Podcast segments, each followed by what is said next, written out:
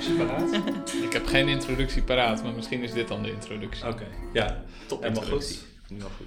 Ja. Ehm, nou, eh, we willen in deze aflevering het gaan hebben over studeren als je ook iets hebt. En ehm, in deze aflevering interviewen wij eh, Victor.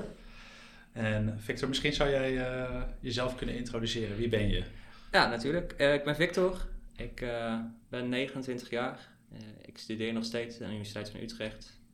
Eh, daar doe ik een master in Earth, Life and Climate. Dat is een hele fancy naam voor ja, klimaatonderzoek. Ja, en ik heb op mijn zeventiende de diagnose ADD gekregen. Wat ze tegenwoordig ook gewoon onder ADHD schaffen. Dus, nou ja, ADD is eigenlijk gewoon het onoplettende zonder per se het hyperactieve. Ik wil niet zeggen dat ik nooit hyperactief ben, maar dat komt bij mij iets minder naar voren. Maar het onoplettende des te meer en het eh, chaotische in mijn hoofd. Ja. Ja. Eh, Oké. Ja. En naast jou zit eh, Judith. Ja, mijn naam is Judith. Ik werk bij Buurteam Oost ehm, als generalist. Zo worden wij eh, betiteld. Dus eigenlijk weten we overal wel wat van. Ik hou mij vooral ook bezig met studenten en de problematiek die zij ervaren. En Ja. vandaar dat ik ben aangeschoven. Ken Victor daarin ook wat, eh, wat beter. Ik heb een tijdje mee mogen lopen met Victor daarin. Oké. Leuk. Ja, Ja, Victor, ik zou misschien eerst even willen beginnen. Je zei er net al wat over. Ehm, want eh, misschien, misschien dat mensen allerlei ideeën hebben over ADHD. Of eh, de ene weet wat meer, de ene weet wat minder. Ehm, maar zonder daar gelijk een hele medische diagnose van te maken. Maar wat is voor jou eh, ADHD? Wat is voor mij ADHD? Het complete onvermogen om me ergens op te kunnen concentreren. Soms. Niet. En soms kan ik me juist weer. Eigenlijk, ik krijg prikkels binnen en alle prikkels zijn voor mij even belangrijk. Dus als ik studeer en ik hoor buiten een vogeltje fluiten, dan is dat fluitende vogeltje even belangrijk als mijn studie. Ehm, en dat maakt het natuurlijk heel lastig om je op je studie te concentreren. Wat soms ook wel weer grappig is, dat je dan juist weer in een hyperfocus kan zitten als jij op iets wat totaal niet belangrijk is. Maar eigenlijk gaan mijn gedachten van hot naar her, van de hak op de tak. Ehm, en dat maakt het zeker bij het studeren eh, wel lastig ja, dingen, af te ronden. dingen af te ronden. Is vaak denk ik ook wel echt een klassiek, eh, klassiek eh, symptoom van ADD. Want eigenlijk, als, je, als ik vaak dingen rond 80, 90 procent heb afgerond, dan is je brein er klaar mee. Je weet in principe helemaal hoe je het moet gaan afronden. Je moet het alleen nog uitvoeren en dat lukt bij mij dan vaak niet. Dan ga ik, eh, ja, dan is mijn hoofd alweer bij andere dingen en dan moet ik mezelf echt heel erg forceren om toch nog zoiets af te krijgen. En er zijn natuurlijk nog tal van kleine andere dingen, maar in een notendop zijn dat denk ik wel eh, de belangrijkste symptomen. Ja. Dus eigenlijk zeg je aan het, zeg maar, als ik het in mijn hoofd rond heb gemaakt, dan is het af. Ja, als ik, ik, ik, wil- ik hou heel erg van puzzels bijvoorbeeld, van, van, van cryptische puzzels. eh, en eigenlijk is het leukste is het uitzoekwerken, uitzoeken hoe de oplossing is. En om het dan daadwerkelijk, nadat je weet hoe je het op moet lossen, ook nog de oplossing uit te voeren. Dat vind ik dan minder interessant. Dus als je dat vertaalt naar mijn studie bijvoorbeeld, ik vind het heel leuk om uit te zoeken hoe iets zit. Ik heb geen enkel probleem met labwerk, geen enkel probleem met veldwerk. Maar aan het eind, nadat je alles hebt uitgezocht, moet je het ook nog eens een keer op papier zetten. Oh ja.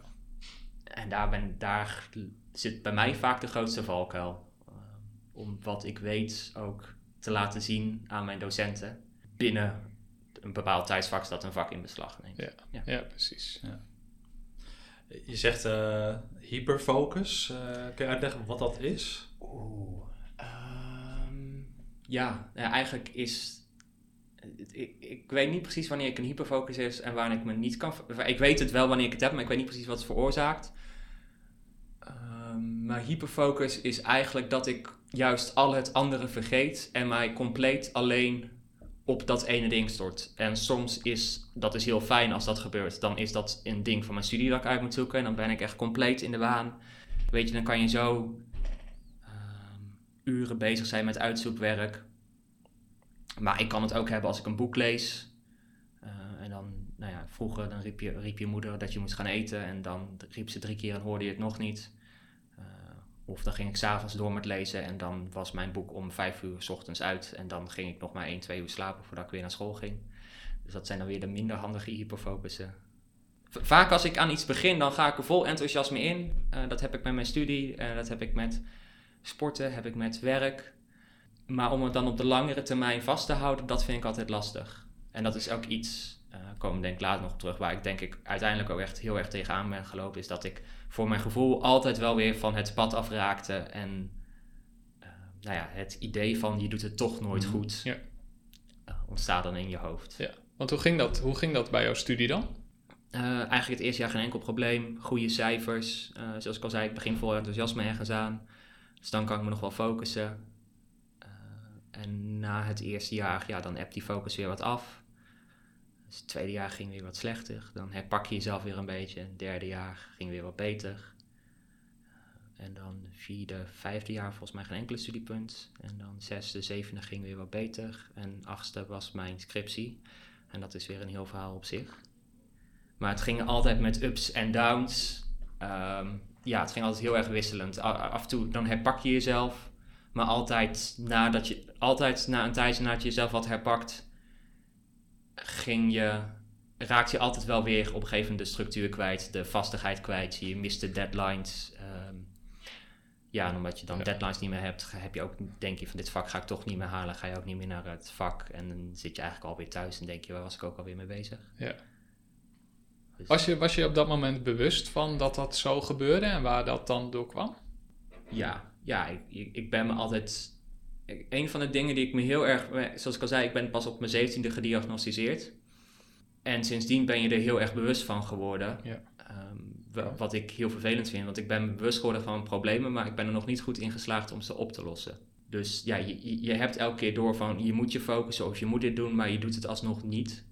En dat, dat oplossen dan, want je zegt het lukte me niet om dat dan op te lossen. En wat was het punt dan dat je dacht, ik uh, ga nu hulp inschakelen? Nou, de eerste keer toen ik de diagnose kreeg, toen bleef ik zitten. Dus toen, werd ik, toen hadden mijn ouders zoiets zo van, wat? Victor is toch een slimme jongen? Dus die stuurde me toen langs uh, psycholoog, kinder, jeugdpsychiater. Toen kreeg ik dus de diagnose. Toen heb ik een tijdje aan de medicatie ge gezeten, wat op zich redelijk ging, maar ik voelde me er niet fantastisch bij. Ja. Maar als we dan over de tweede keer hulp zoeken hebben, uh, dat ik echt... Ja, want de dus eerste, als ik, de eerste keer zeg je eigenlijk was een soort van, je, je was nog geen 18, dus ja. je ouders bepaalden, oké, okay, we ja, moeten ja, hier wat voor... Uh... Nou, ik denk, ik, ik had op een gegeven moment al aangeklopt, eerst bij de studiebegeleider. Uh, die had me ook doorgestuurd naar de studentenpsycholoog. Toen kwam Oh, ik ja. ook in een plangroepje voor mensen met ADHD. Hoe oud was je toen? Of waar in je studie zat je toen ongeveer? Ik denk dat ik, ja, ergens rond de 22 tot 25. Dus derde, vierde, vijfde studiejaar. Ja. Het, is inmiddels lastig om te weten hoe lang geleden precies. Maar in ieder geval, ja. dat, dat, zo begon het. Uh, het studiegroepje heeft op zich wel geholpen. Uh, dat, dat focuste zich voornamelijk op het maken van planningen. Alleen het, het ding is met het maken van planningen. Dan maakte ik een planning in een mooi mapje. En Ja. dan zat die rest van de week zat die planning in mijn map. Ja. Wil niet zeggen dat ik er niks aan had, want in ieder geval keek ik één keer per week, ging ik kijken naar wat ik nog moest doen. Dus dat was al een vooruitgang, want daarvoor, ja, uh, was ik gewoon, nou ja, ik, ik dacht er niet bij na. Ja. Dus deed ik gewoon wat in me opkwam. Maar eigenlijk zei je net ook al, als het in mijn hoofd rond is, wat dus met die planning zo was, kwam ik eigenlijk niet meer tot uitvoering. Ja, ja. Nou ja, goed, dan schreef ik bijvoorbeeld op van ik ga donderdagochtend in de biep zitten en studeren. En dan zat ik donderdagochtend soms ook echt daadwerkelijk wel in de biep. Het is niet of ik nooit wat met die planning deed, maar uh, dan zat ik in de biep. Maar dan kwam van studeren vrij weinig terecht. En dan, dan, dan zat ik weer andere dingen te doen. Uh, ja, en wat dan, weet ik eigenlijk niet. Gewoon bepaalde, ja, gewoon nieuws site checken, Wikipedia checken. Ik, heb geen, ik doe niet aan sociale media, doe ik expres. Dat weet ik van mezelf. Geen Facebook, geen Twitter. Uh, dus die, die valkuil heb ik al voor mezelf afgesloten. Maar er zijn nog voldoende andere... Eigenlijk kan ik zeggen dat het internet één grote valkuil is. Want je, je zit zo met één klik... Ja. Um, Het is één grote prikkel, zeg maar, Ja. omdat alles beschikbaar is. Dat merk ik ook bijvoorbeeld als ik moest leren voor een tentamen. Wat ik dan altijd deed, ik printte elk, elk college print ik uit, alle slides. Niet heel milieuvriendelijk, maar dat betekent dat ik eh, mijn laptop thuis kon laten en ergens kon gaan zitten met alleen maar Ja. eh, de slides. En dan kon ik beter leren dan als ik de laptop Ja. bij had. Want dan moest je weer even wat opzoeken en dan schoot je nog iets er binnen en dan ging je weer naar de site Ja. van je werk of ging je weer naar YouTube. Of, eh, Dus aldoende heb je eigenlijk ook overal wel weer een oplossing voor gevonden. ja, Enigszins. ja, ja, een houtje touwtje oplossing. Ja, precies. Oké. Ja, dat vraagt dan toch best wel wat werk om Ja. eh, uiteindelijk iets te doen. Hè, je, bedoel, planning is dan niet voldoende. Je moet dan ook rekening houden met dat je dus afgeleid raakt. En dat dat zo min mogelijk eh, gebeurt. Ja, nou ja, ik, ik, het, ik moet echt in de juiste omgeving zitten. Ehm, ehm, een van de leukste dingen van mijn studie vind ik veldwerk, wat ik nu door corona helaas al een tijd niet meer geweest ben.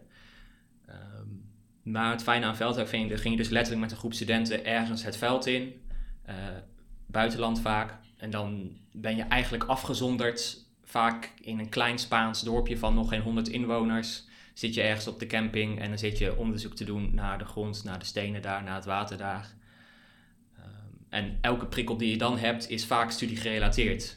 Ja, precies. Eh, van je, als je met je studenten praat, Ja. eh, met je medestudenten praat, dan word je automatisch, denk je over je studie na. Ja.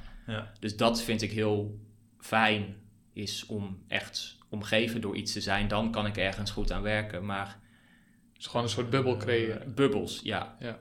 En wat dan, dat merkt, nou ja, goed. eh, ik weet niet of we het echt nog specifiek over coronajaar willen hebben. Maar ja, dat was natuurlijk voor mij. Dan zit je thuis te studeren. Of ik heb probeer, één keer geprobeerd thuis een college te volgen. Nou ja, ik, ik, ik kreeg halverwege een paniekaanval omdat ik niet, me gewoon niet lukte om te focussen op wat Ja. de, stude- eh, de docent zei. Ja. Dus toen heb ik die docent daarna gemaild van ja, dit wordt hem niet. Maar waar waren we? Nou, in deze tijd lijkt me dat dus juist des te moeilijker dan voor jou. Je hebt, aan de ene kant heb je dus al die social media afleidingen waar we allemaal mee zitten. Het internet is eh, breed toegankelijk. Ja, Eh, en dan komt corona er ook nog bij, waardoor je dus niet die omgeving voor jezelf kan. Nee, maar dat, dat kijk, ehm, er wordt wel eens gezegd dat ADHD of ADD een modeverschijnsel is. Want hè, steeds meer kinderen krijgen die diagnose. Ik denk meer dat steeds meer mensen er tegenaan lopen dat ze overprikkeld raken, omdat ze niet alle prikkels goed kunnen verwerken. Mm. Oh, ja. En dat komt inderdaad door het internet. Weet je, vroeger, ja, eh, ik wil niet zeggen dat vroeger alles beter was. Eh, absoluut niet. maar het leven was wel wat simpeler, denk ik. Van, ja, eh, ja. Ja, je had geen internet, je had Nee. alleen een telefoon thuis. nee, En als Ja. je op, op pad was, was je niet te bereiken. precies. Heerlijk, fantastisch. Ja, dus had je eigenlijk overal een soort van bubbel. Ja. En die bubbel mis ik nu.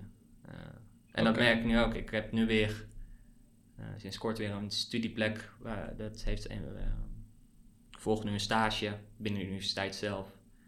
En dan had mijn begeleider geregeld dat ik in een gebouw kan studeren. Gewoon echt niet in de biep, maar in een gebouw van het klimaatonderzoek. Dus dan word je omgeven door andere mensen die ook daarmee bezig zijn. Dan kan je af en toe, oh, waar ben jij mee bezig? Oh, waar ben jij mee bezig? En dat helpt Ja. zoveel met je concentratie. Je hebt al zoveel beter dan in de biep zitten en duizendmaal beter dan thuis zitten. Ja. Hey, je zegt nu eigenlijk, focus was voor mij, eh, is voor mij gewoon echt een van de grote eh, punten waar ik tegenaan loop. Zijn er andere dingen waar je tegenaan bent gelopen? Slaap, maar ik weet niet zozeer of dat super ADHD gerelateerd is of ADD gerelateerd. Hoe bedoel je dat? Slaap? Ik, ik ben altijd een moeilijke slaper geweest. Weet je, als je alles in je hoofd nog aan het verwerken bent, kan je Ja. je wel voorstellen dat het lastig is om in slaap te vallen. Ja. In slaap komen was In slaap komen, ja. probleem. En op een gegeven moment, en dan hebben we het nu over mijn scriptiejaar, werd ook het doorslapen ook een probleem. Dus dat werd ik echt al na een paar uur weer wakker en dan had je maar Oh, ja. drie, vier uur slaap gehad. En dat is nog wel een, het tweede grote struikelblok geweest, waardoor ik op een gegeven moment meer intensieve hulp moest gaan vragen. Eh, dat alleen de studentenpsycholoog en de, eh, met een plan, ADHD plangroepje eh, was toen niet meer voldoende. Toen zat ik trouwens ook al niet meer bij haar. Want zoals ik zei, ik vind het lastig om dingen langere tijd vol te houden. Maar toen kwam, had je dus wat intensievere hulp nodig. Ja. Waar kom je dan terecht als je intensievere hulp... Nodig hebt. Kijk, in eerste instantie ben ik heb ik aangeklopt bij de huisarts. Wat denk ik ook wel bel- belangrijk is om te weten. Toen ik als kind ADHD, eh, toen ik hoorde, heb ik een tijd dus medicatie geslikt, geslikt. Daar ben ik mee gestopt toen ik begon met studeren. Omdat ik een soort van had, ik wil het zelf doen. Ja, Ehm, dus dat hoor ik wel vaker inderdaad. Ja, eh, en ook omdat, nou ja, de, ja, de medicatie helpt, maar je voelt je niet jezelf. Nee. Eh, dus toen ging ik inderdaad naar de huisarts. Zo van, nou goed, dan weer medicatie opstarten. Ja, dat was eigenlijk nog wel voor mijn scriptie. Dus toen slikte ik af en toe weer medicatie om een beetje te helpen met studeren. Ander soort medicatie probeerde dan ik op de middelbare school probeerde. En hier reageerde ik ook wel beter op. Toen kwam mijn scriptie. Toen liep ik daarin vast. En op een gegeven moment, zoals ik al net al zei, van, ging mijn slaap ook heel erg naar beneden. Toen werd ik echt, echt goed depressief. Eh, toen ben ik weer naar de huisarts gegaan. Eh, die, nou, die heeft toen gezegd van oké, ik stuur je door naar gespecialiseerde hulp. Ja. Die heeft mij in eerste instantie doorgestuurd naar een kliniek in Utrecht die gespecialiseerd is in ADHD. Ik dacht van nou, hoera, als ze ergens iets weten van ADHD moet het daar wel zijn. ja, zou je wel denken inderdaad. Ja. Ja.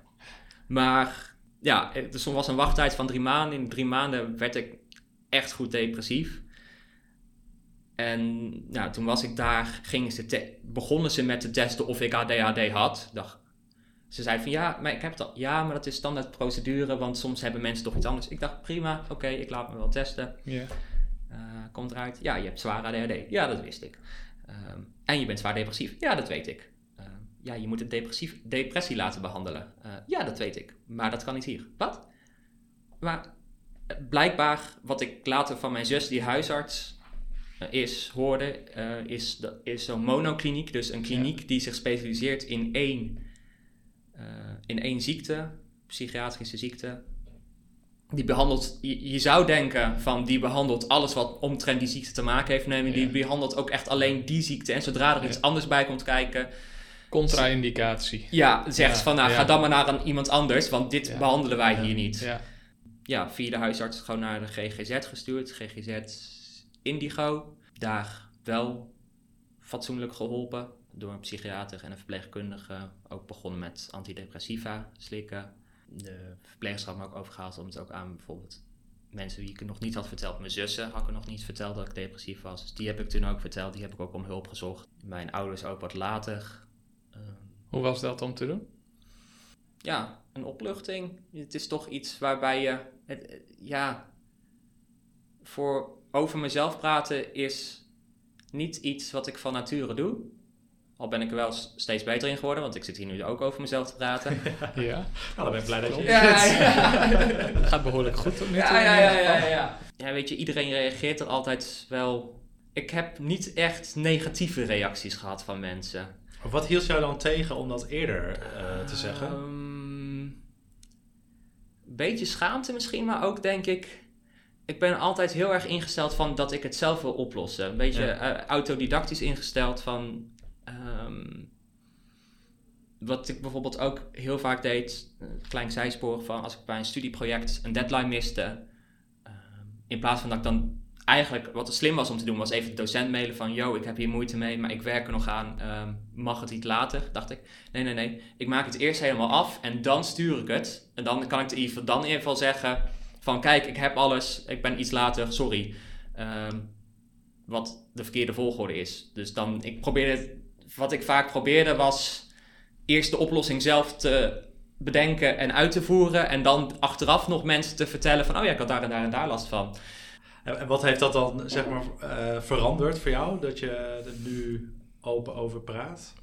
Kijk, ik heb er gewoon niks bij te verliezen eigenlijk om erover te praten. Dat is het eigenlijk denk ik meer. Ja. Je kan beter gewoon eerlijk zeggen. En zeker ook docenten, Ja. eh, die hebben er alle begrip voor en willen met alle vriendelijkheid meedenken, meewerken. Ik heb nog geen enkele docent. Ik wacht, eentje. Nou goed. Eh, bijna alle docenten. ehm, die denken gewoon mee. Ehm, en En, als je- en wa- en wat voor opzicht dan? Hoe denken ze dan mee? Ehm, ja, flexibel zijn met deadlines. Dat is eigenlijk het meeste. Kijk, ik heb sowieso ook, eh, die had ik ook op de middelbare school. eh, ik heb een verklaring die me recht geeft op wat extra tijd bij examens. Ja, flexibel zijn met deadlines. Wat op zich ook weer zijn eigen problemen oplevert. Want eh, druk kan best een sterke prikkel zijn. Van als jij weet van ik moet dit voor morgen af hebben. Maar als jij weet dat docenten flexibel zijn, Ja. valt die prikkel weg en is Mm. dus ook je De, de- focus ja, weer precies. iets minder. Ja, ja. Deadline is iets minder een deadline Ja. geworden. Ja, Ja, precies. en ik vind het heel stom van mezelf dat ik er soms op reken, maar ik reken er soms op dat ik weet dat docenten niet al te streng zijn. En dat vind ik slecht van mezelf, maar aan de andere kant is het gewoon iets waar ik last van heb. En is het gewoon iets, het kost mij vaak gewoon net iets meer tijd dan anderen om alles goed op een rijtje te zetten. Ja, dus dat is een constante balans zoeken tussen aan de ene kant eh, eh, flexibel zijn en niet te veel te verwachten. Aan de andere kant ook weer het niet, niet loslaten. Ja. En, eh, wel, wel uiteindelijk dingen wel doen. Ja, nee, we hadden het net over van wat heb je eraan door het open en eerlijk te vertellen, is inderdaad denk ik gewoon de balans zoeken tussen hulp vragen en het niet zelf willen doen. Eh, maar ook uiteindelijk snap ik docenten ook van je wilt dat op het moment dat jij een vak hebt gehaald, dat jij ook dezelfde punten hebt gedaan die iemand anders die een vak heeft gedaan, ook heeft gedaan. Ja, het enige ja. verschil is dat ik er dan net iets meer ruimte krijg, Ja. iets meer tijd krijg. Maar eigenlijk zeg je, zou je die tijd op het einde pas moeten krijgen om te kijken of je, of je die deadline wel of niet kunt halen, ja, zeg ja, maar. Ja, ja, ja, ja, ja. Een van de fijnste vakken die ik heb gevolgd op de, eh, tijdens mijn bachelor als een docent. En die, die, die dan de, nou, hadden we vrijdag een deadline, hadden we vrijdagochtend nog college en we moesten een verslag inleveren, dus die avond. En, hoe gaat het ermee? Vroeg hij dan de groep, van, eh, hoe gaan we verslagen? Als jullie het nu inleveren, wat voor cijfer zouden jullie dan krijgen? Vijf, zes? Oh, was niet zo heel. Ah, dan, eh, weet je wat, ik til het over het weekend heen, dat is dan maandag. En dat deed hij een paar keer, dus hij had in principe wel een deadline, maar op het laatste moment verschoof hij hem. Ja. Ja. En dat was, ja, weet je, hij verwachtte van ons dat we keihard werkten. En het was echt een van de vakken waar ik het meest voor heb gedaan. Maar uiteindelijk had hij iets van, ja, zolang je het werk maar hebt ingeleverd, is het goed. En als het nou een week later is, dan, ja, goed, het moet op tijd binnen zijn voor mij om het te kunnen verwerken in de gegevens. Maar verder boeit het mij niet heel erg als jij een week later opschrijft wat de rest al een week eerder heeft opgeschreven. Nee, precies. Ja.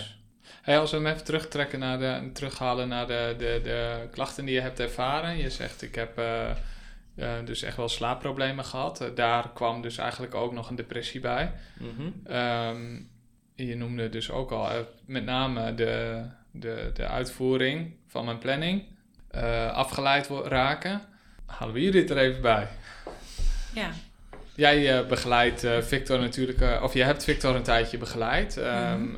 misschien wel meer mensen die ADHD hebben. Dus herken je dit ook bij anderen? zeker. Dat verhaal wat Victor vertelt, dat herken ik wel degelijk. Ehm, het heeft vaak met planning en organisatie te maken, waar mensen vastlopen door de overprikkeling en eigenlijk het gevoel dat je daardoor overvraagd wordt en dus niet meer weet waar je de focus op moet leggen.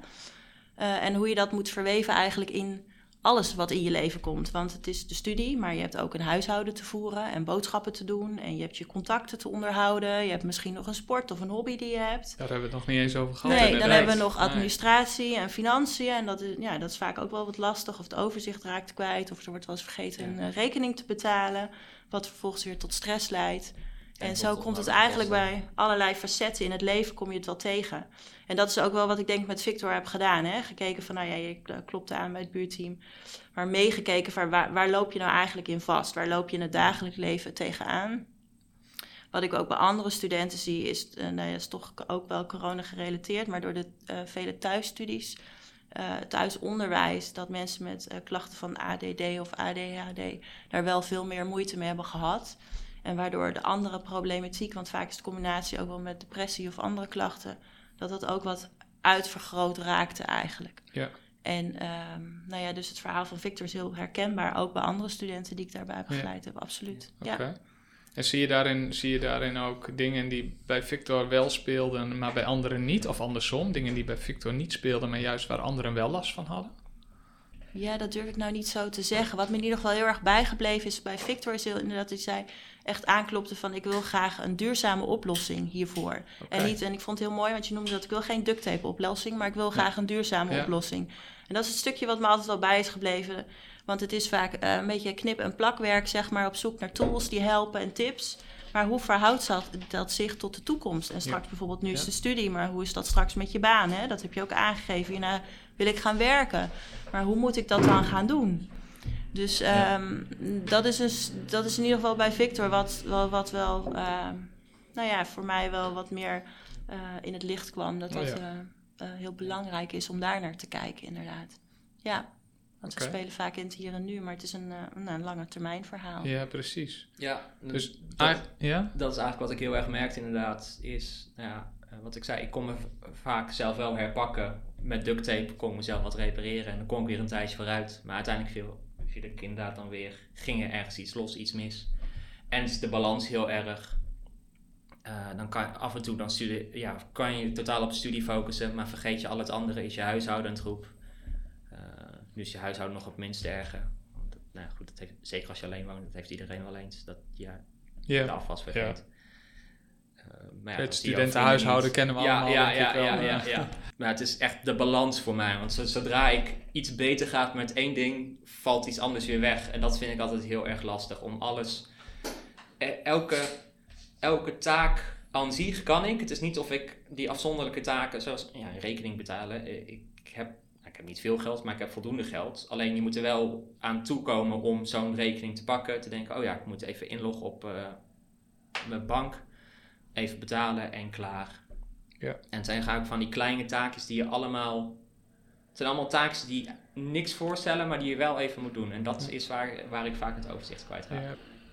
En heb jij dan ook, Judith, een eh, standaard aanpak eh, als iemand met ADHD bij jou komt? Nee, want eh, ieder individu is een individu en iedereen loopt tegen andere di- eh, dingen weer aan, heeft een andere achtergrond of een andere hulpvraag.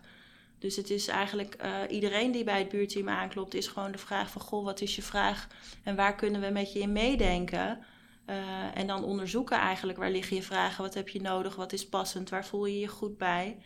Dus volgens mij is het, eh, dan kan Victor bevestigen of dat zo is of niet, maar een beetje meekijken en onderzoeken van, nou ja, wat zijn je vragen en wat, wat zou je nodig hebben, wat zou je willen. Ja. Ja, Ja. en dat is bij- echt bij ieder weer anders, ook met ADD Ja. of ADHD. Ja, Ja, precies. Ik, ik hoor daar ook heel erg eigenlijk achter ehm, eh, dat het dus ook een zoektocht is om de juiste vraag te stellen, Victor. Ja. Hoe, is dat, hoe was dat? Ehm, Hoe ging dat bij jou? Want ik kan me voorstellen dat je niet direct dacht, nou, ik heb hier, loop hier en hier en hier en hier tegenaan. Eh, mag ik daar ondersteuning bij? Maar dus dat je Ja, niet meteen het, overzicht het, hebt. Het is denk ik, het is voornamelijk een kwestie van trial and error. Dus dingen uitproberen, Ja. Eh, kijken of het werkt. Of, en als het niet werkt, waar loop je dan nu tegenaan? Wat zijn dan nu? Bijvoorbeeld zoals ik zei, van, je, maakt een planning, je kijkt naar wat je deze week nog moet doen, dat is goed. Maar uiteindelijk kijk je de rest van de week niet meer naar die planning. Dus dat werkt niet. Dus dan moet je iets anders. Weet je, ik heb ook wel eens met be- bepaalde begeleiders geprobeerd een digitale agenda bij te houden. Maar dat betekent dat ik al, altijd als ik in mijn agenda wou kijken, dat ik digitaal moest zijn. Ja, Eh, betekent dus dat ik altijd het internet op moest. Dat betekent Ja. dat ik altijd afgeleid raakte. ja, precies. Eh, dus ik heb nu een papieren agenda. En dat werkt bijvoorbeeld voor mij ook al beter. Oh ja. Eh, Ah, ja. dus Ja. dat zijn van die kleine dingen van... eh, en het is denk ik ook belangrijk om te weten dat ja, eh, ieder persoon is uniek. Iedereen heeft een andere aanpak. En een behandelaar, een begeleider, eh, zoals Judith... of mijn psychiater of mijn psycholoog... die weet ook niet precies wie jij bent als jij voor het eerst aan kon kloppen. Dus die gaat iets proberen Ja. eh, aan de hand van een gesprek met jou. Ehm, en dat, ja goed, ik denk dat bij heel veel mensen met ADHD spelen wel gemeenschappelijke problemen. Dus kan je dezelfde dingen proberen, maar lang niet alles werkt bij iedereen. En je wisselt, weet je, ik ken aardig wel mensen met ADHD. Eh, Zoals ik net al zei, het wordt steeds meer vastgesteld bij mensen. En je wisselt ook gewoon onderling tips uit. Ja, precies. Wat Dus- dat betreft helpt eh, over van wat heb je eraan Ja. eh, om erover te praten. Dus dat, eh, ik vertelde laatst een collega dat als ik ga studeren, eh, als ik dan 's ochtends in het, eh, achter de computer ga zitten, ga ik het eerste uur, laat ik mijn gedachten gewoon de vrije loop. Ik sluit niks af. Eh, als ik iets op YouTube wil zien, ga ik iets op YouTube zien. Wil ik nog even iets onderzoeken voor mijn werk, ga ik nog iets onderzoeken voor mijn werk. Bedenk ik dan nog iets met. Gewoon alles wat in mijn hoofd komt, mag ik even doen. En dan, mm, zeker de eerste dag dat ik ga studeren, kan het echt een paar uur duren. Maar dat betekent wel dat ik de dagen daarna langzamerhand wat rustiger word. En dat ik me daarna echt beter op mijn studie kan focussen. En ook als ik later op de dag iets in mijn hoofd krijg, heb ik liefst een noodblokje bij me liggen dat ik het op kan schrijven van, oh ja, dit is een goed idee. Je schrijft het nu op en dan weet je, dan heb je het hiervoor opgeschreven. En dat, dat helpt al om het een beetje uit je hoofd te krijgen. Ja, precies. En dat zei ik dus tegen een collega die ADHD had. En die, die, die ging het dus ook proberen. Gewoon s ochtends beginnen met Ja. studeren. Eerst gewoon alles, je gedachten in vrije loop blijven. En voor haar werkt het fantastisch. Ja. Dus zij was Ah, er ja. heel blij mee. Dus eigenlijk zeg je, het contact met anderen die ADHD hebben, was, hij werkt eigenlijk ook heel goed. Ja, Dus ja, laat ik ja maar even zo is Ja, ik misschien vind een altijd- beetje... Ik vind het altijd een beetje een zwaar woord. Ja, eh. ja, ja, ja. Nee, maar gedeelde smart is wel halve smart. Ja, en het helpt precies. zeker. Wat ik zei van dat ik altijd iemand was die zelf oplossingen wil zoeken, is op het moment dat je merkt dat andere mensen tegen precies dezelfde problemen aanlopen. En dat zijn niet eens alleen maar mensen die AD- ADHD hebben. Dat helpt. Dat je denkt van. Je hebt heel erg het gevoel van er is iets mis met me. Van er is iets mis met mij en andere mensen doen het beter en pakken het slimmer aan. Waarom lukt het mij niet zoals andere mensen? En dan is het fijn om te merken dat andere mensen eigenlijk ook maar wat doen. Dat eigenlijk bijna iedereen maar wat doet. Exact Eh, hetzelfde heeft. Ja, Ja, precies. iedereen heeft zijn, ja, zijn eigen valkuilen. En nou ja, goed, bij ADHD zijn die valkuilen wat beter te groeperen en wat meer zichtbaar. En ja, dan wordt het zoeken naar een structuur die voor jou werkt, naar werk. Uiteindelijk naar mijn studie, naar werk waarbij ik zo min mogelijk last ervan heb. Of misschien juist een voor, zelfs nog een voordeel ervan kan hebben.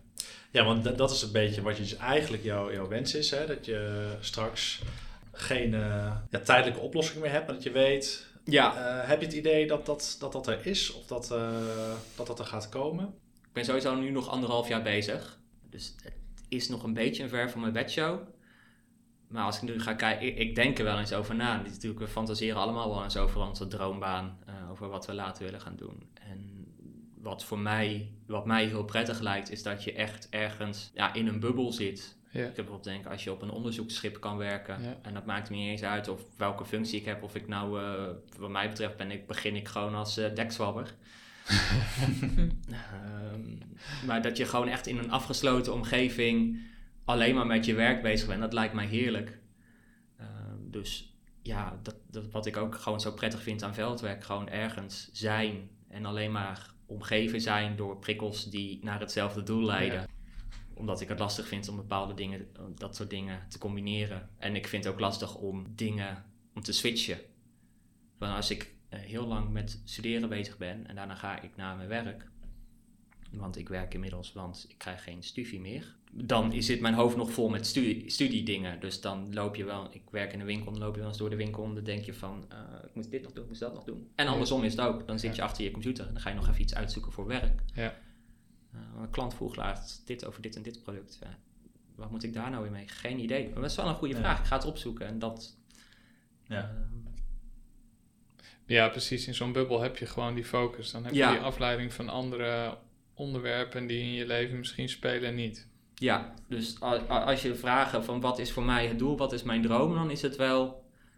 ehm, ja, het lijkt mij echt heerlijk om of op een onderzoeksschip of ergens op een afgelegen onderzoeksstation... Zien we jou in Antarctica. Antarctica, Spitsbergen. Ik heb zeggen, Ja, ik- ja, ja. ik- eh, Spitsbergen staat de universiteit. En die lijkt me echt fantastisch om mee te ja, gaan. ja. Ik wil eigenlijk even nog één laatste vraag stellen, Renko.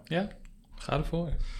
Ehm, als je nu een advies zou moeten geven aan eh, iemand die ADHD heeft en studeert, die er nog vol in zit, net begonnen is, wat, wat voor advies zou jij nou geven? Mhm. Zoek hulp. Dus misschien de, en niet alleen eh, professionele hulp, maar ook gewoon kijk naar je familie, naar je vrienden. Die hebben mij zeker ook geholpen. Eh, voor mij waren het echt voornamelijk mijn zussen die me echt wel geholpen hebben en echt, echt ondersteund hebben. Praat er gewoon over. Eh, en ja, realiseer je, er zijn echt heel veel mensen met dit soort problemen. Echt een shocking amount praktisch probleem voor ADHD'ers is vaak de planning. Als jij een planning gaat maken, zeg dan niet: ik ga dit en dit en dit studeren. Of ik eh, zeg dan niet: ik ga vandaag studeren. Nee, zeg: ik ga in de ochtend ga ik dit hoofdstuk lezen. Dan neem ik een pauze en dan ga ik dit hoofdstuk lezen. Ja. Dat je in ieder geval al een soort idee hebt in je hoofd waar je aan gaat beginnen. Want anders ga je in de biep zitten, probeer te gaan studeren en denk je: oké, wat ga ik nu leren? plan heel praktisch in en echt met duidelijk wat je gaat maken, wat je gaat studeren op het moment dat je dat gaat doen. Probeer studiemaatjes te vinden, dat helpt bij mij ook altijd heel erg. Oh, ja. Dat is door corona ook wel wat lastiger geworden. ja, Ja. tuurlijk. Oké, Oké. Nou, Victor, ja, ik wil je heel erg bedanken voor eh, het delen van je verhaal. En eh, ik hoop dat jij straks een mooie baan hebt op Antarctica of Spitsbergen. Ja, ja. Dat we jou nog een keer op het nieuws gaan zien of zo. eh. Ik zal een postkaartje sturen als ik er eenmaal zit. Nou, lijkt me leuk. ja. Oké. Dankjewel voor het luisteren. Dit was de eerste aflevering van eh, We hebben allemaal wat. Heb je nou vragen eh, of opmerkingen naar aanleiding van deze aflevering? Dan kan je ons eh, mailen op podcast.sociaal.buurteamsutrecht.nl Ehm ja, wil je misschien zelf ook je verhaal delen, dan horen we dat natuurlijk ook graag. Eh, we zoeken nog meer mensen waarmee we in gesprek kunnen gaan. Dus heb jij eh, bijvoorbeeld autisme, of heb je schulden, of heb je iets anders waar je tegenaan bent gelopen en heb je inmiddels ervaring met hoe je daarmee eh, om kan gaan en eh, wil je dat graag met ons delen, dan eh, komen we graag met jou in contact. Bedankt voor het luisteren en tot de volgende keer. Dag.